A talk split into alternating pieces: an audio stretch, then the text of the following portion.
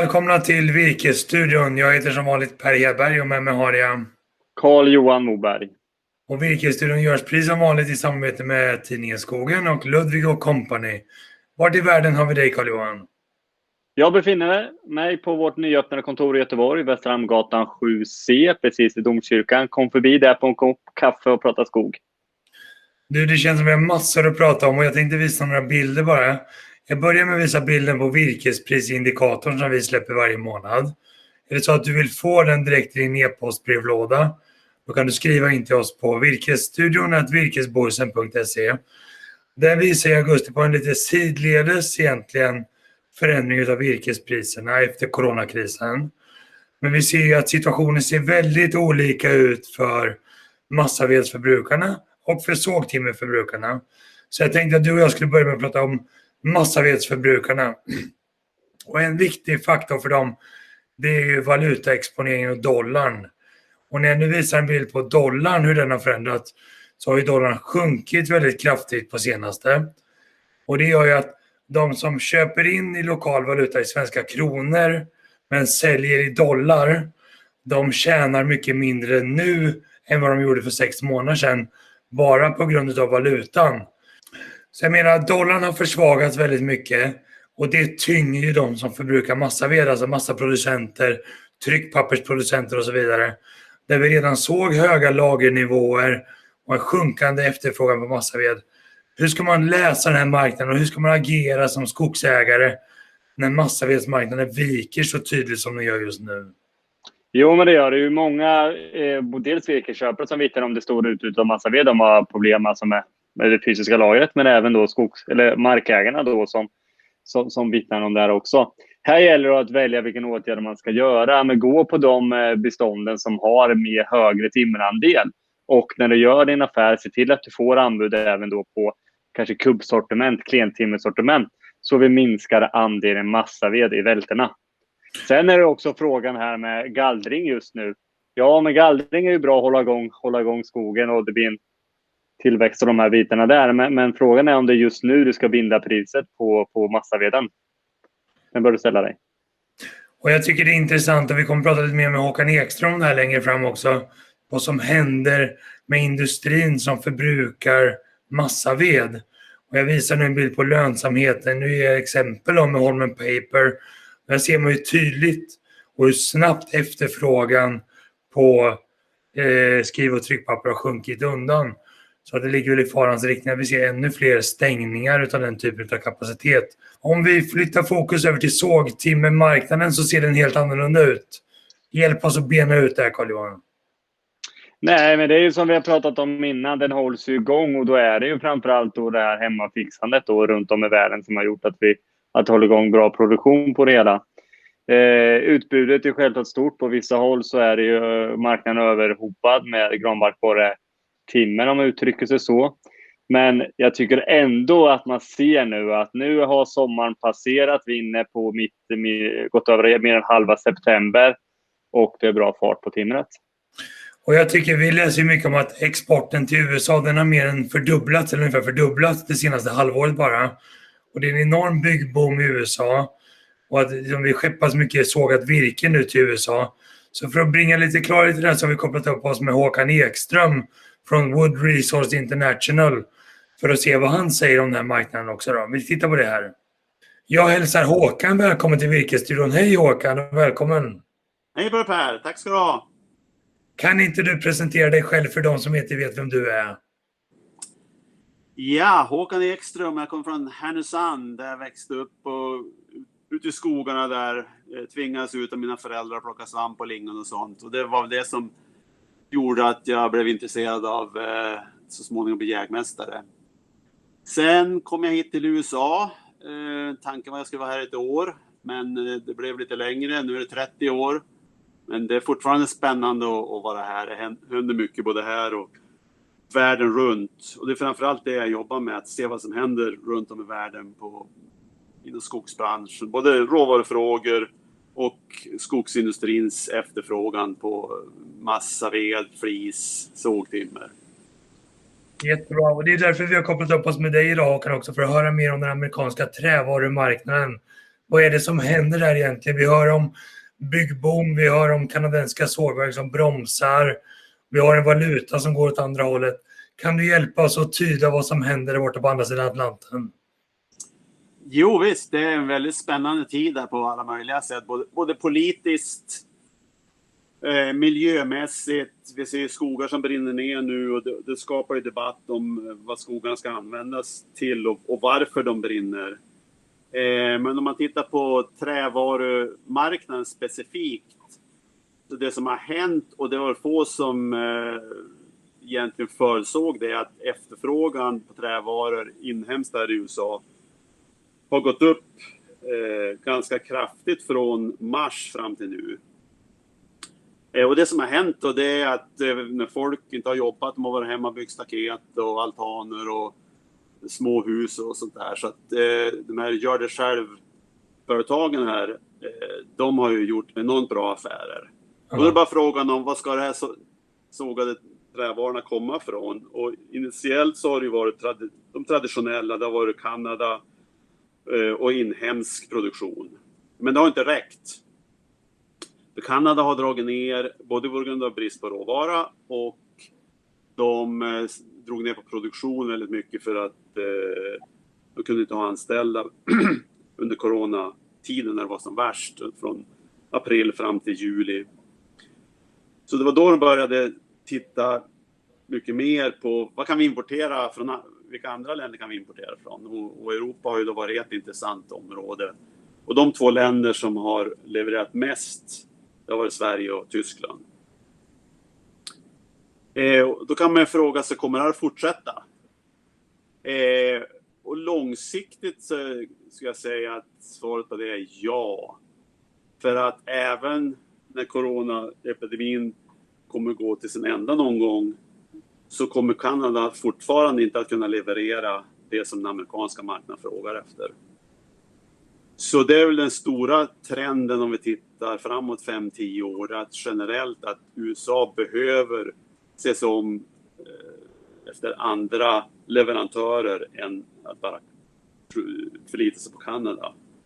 Går vi tillbaka tre, fyra år så var ungefär 97-98 procent av allt som importerades till USA kom från Kanada. 97 procent. Nu är det nere i 86 procent. Så det är, en, det är en dramatisk förändring som jag tror eh, vi kommer fortsätta att se framöver. Att det kommer vara Nya Zeeland kommer kanske eh, försöka exportera mer hit. Eh, Latinamerika, Ryssland kommer kanske försöka. De är väldigt små nu. Men framförallt är det Europa. Sverige, Finland, Tyskland, Österrike. Du Håkan, kan inte du hjälpa oss att förklara hur kommer det sig att ett land som Kanada kan ha ont om skoglig råvara? Det är ett jätteland med massor med skog. Ja, den största förändringen det har ju varit i västra Kanada, i British Columbia. Att de kan inte leverera eh, sågade trävaror till USA som de har gjort historiskt. Och det har att göra med eh, insektsskadorna i, i British Columbia som har gjort att mer än 700 miljoner kubikmeter har dött under de sista 15 åren. Eh, och det gör att sågverken har helt enkelt inte råvara varken nu eller kommande 30 år. Eh, Stad, eller provinsregeringen där har lagt upp planer hur mycket som kan avverkas eftersom det, det, eh, det, det, är, de mesta skogarna ägs utav provinsen själv, så det är inte mycket privata skogar där. Deras planer är att avverkningsnivåerna som är idag kommer inte kunna gå upp mycket de närmsta 30 åren. Så det här är en, det är en ny industri som kommer vara där, en ny, mycket mindre industri. Nu Håkan, vi, vi har ju märkt det i Sverige också eftersom Canfor har ju köpt Vida i Sverige. Det är också ett tecken på den här råvarubristen. Tror du att vi kommer att se fler kanadensiska sågverksföretag göra entré i Europa i jakt på råvara?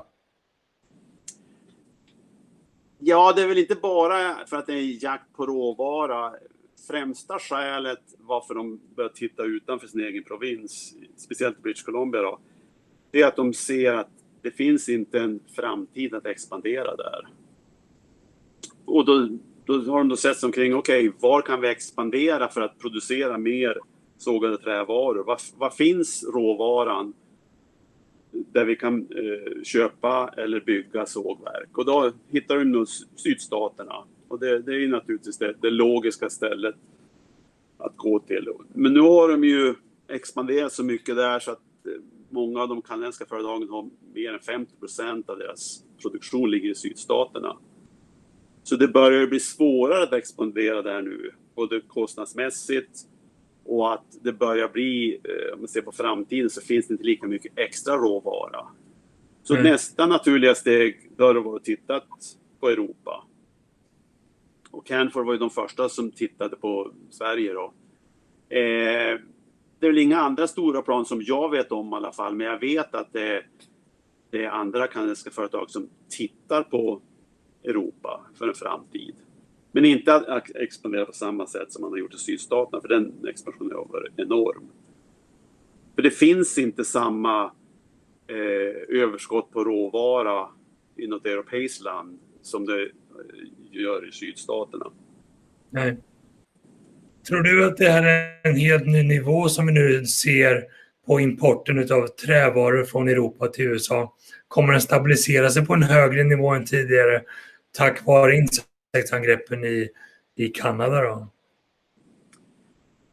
Det är det logiska och det sannolika, men, men sen kommer det ju variera beroende på vad, vad fraktkostnaderna kommer vara att skeppa över eh, och det går tillbaka till oljepriser. Det kommer bero på eh, valutakurser och det kommer bero på vad, vad är priset på den inhemska marknaden i USA. Så det kommer ju fluktuera. Men, men rent generellt över en längre tid så tror jag det här är mer en normal nivå eh, än det vi såg för 5-10 år sedan. När det var relativt små volymer som kom från Europa till USA. Törs vi spekulera någonting kring valet i USA också? Vad det kan få för effekter på trävarumarknaden? Ja visst törs vi det. Eh, det, kan, det kan få ganska stor påverkan Eh, jag törs inte säga vem som, skulle, vem som kommer att vinna, för det är fortfarande rätt oklart. Det, det lutar ju åt Biden just nu, men ingenting är säkert i det här landet. Eh, men han har ju lagt upp en plan som är väldigt mycket mer eh, positiv för eh, förnyelsebara energikällor och produkter. Så vinner han tror jag att man kommer lägga ner mycket mer pengar både på forskning, Eh, produktutveckling och satsningar på sånt som har med eh, till exempel skogsprodukter att göra. Så, så det, kan, det, tror jag kan vara en positiv nyhet för de som producerar eh, pappersprodukter, eh, bioprodukter av alla möjliga slag, nya produkter och trävaror. Så att man kommer att försöka bygga mer i trä till exempel. Så det tror jag skulle vara mer positivt för, för skogsindustrin och användning av skogar än om eh, Trump fortsätter. Intressant. Du, en sista fråga bara innan vi rundar av det här Håkan. Vi har ju sett en dramatisk nedgång av skriv och tryckpapper nu, efterfrågan här i spåren av coronakrisen. Om man tittar historiskt tillbaka i USA, hur har massavedsbalanserna förändrats? Har vi liksom kunnat balansera ut det med nya produkter när skriv och tryckpapper har gått ner i sin efterfrågan? Ja, det som har hänt det är ju att antingen har de som har producerat eh, tidningspapper, skriv och tryckpapper, eh, har de lagt ner för de har inte kunnat konkurrera och de har inte haft marknader. Eller så försöker de investera för att producera andra pappersprodukter. Mm. Eh, för att efterfrågan på kartong har ju gått upp väldigt mycket. Hygienprodukter har ju också ökat, inte lika dramatiskt. Så ser man på total användning av eh, fiber, flis och massaved i USA så har inte det ändrats speciellt mycket de sista 5-10 åren. Det bara går till en annan eh, typ av slutprodukt. Vi ser med spänning fram emot kvartal 3-rapporterna här som kommer snart i Sverige. Och jag tror att om vi ser fortsatta nedgångar i lönsamheten kring tryckpapper generellt sett så får vi nog se fler stängningar och fler bruk här också. Vad tror du om det? Jo, nej, men jag, jag tror det är ju definitivt den trend eh, Sverige, USA och världen runt att eh, tryck och skrivpapper har ju inte riktigt någon framtid. Så, så ska, man, ska man vara med Eh, så måste man investera i andra produkter. Jag tror det, fin, det finns ingen genväg där det finns, man kan inte gå och hoppas på att eh, man ska få sälja mer tidningspapper eller skriv och tryckpapper i framtiden. Det kommer inte försvinna helt, så ska man vara kvar då måste man vara bland de bästa och billigaste att göra tidningspapper eller, eller skriv och tryckpapper. Men det kommer finnas plats för mycket färre producenter än vad det gör idag. Ja, jag håller helt med Håkan. Stort tack Håkan för att vi fick koppla upp med dig och ta din tid. Tack Ja. snälla. Tack för att du hörde av dig. Jag tycker det här som Håkan pratar om är väldigt intressant. Jag tar med mig några olika saker från det här. Att från ett skogsperspektiv eller prisbildningen på virkesmarknaden så är Biden bättre än Trump. Det verkar som att nedgången i skriv och tryckpapper kan balanseras av kartong och hygienprodukter. Och sen så har vi också då det här med den strukturella förändringen kring skadedjursangreppen då. Vad säger vi om den här Mountain Pine Beetle som härjar borta i British Columbia? Ja, men när jag pluggade på SLU, då var jag över en termin och läste i Kanada. Och var just då i British Columbia där. Och då såg man ju tendenserna. Det här är ju ganska många år sedan. Men då såg man att det började liksom. Och nu när man eh, tar bildgooglar Mountain Pine Beetle British Columbia så ser man hur förödande konsekvenser det här är. Eh, det är alltså stora mängder med arealer då som har blivit drabbade av det här. Och det är klart det påverkar ju. För den här skogen var ju klar för att avverka på många håll liksom, och nu finns den inte längre. Och jag tycker det är intressant det som Håkan spekulerar lite grann kring att råvaran försvinner ur Kanada, ett av världens skogsrikaste länder. Då tvingas då de kanadensiska sågverksföretagen leta sig utomlands för att kunna fortsätta expandera sin produktion. Och här är det inte omöjligt att vi ser fler intåg eller expansioner även i Sverige eller den nordiska marknaden heller. Så det blir intressant att följa. Jag tycker det var superintressant. Som skogsägare, se till att du konkurrenssätter virket. För det finns de som fortfarande betalar bra för klentimmersortiment och massaved. På sågtimmermarknaden ser det helt annorlunda ut. Med bra priser, bra efterfrågan både i Sverige och utanför Sverige. Så att vara klok och nå ut till alla köpare. Ska vi ta och runda av med det för idag Carl-Johan? Ja, men det tycker jag. Jag vill bara skicka med eh, alla skogsägare ute, ut och leta granbark på det. Så vi inte hamnar i någon situation där vi inte har tillräckligt med skog i framtiden. Nästa vecka ska vi försöka ta oss ut i verkligheten lite grann och prata viltvård. Det ska bli spännande tycker jag. Så, Mycket spännande. Ha det så bra så länge Carl-Johan. Tack, hej! Hej!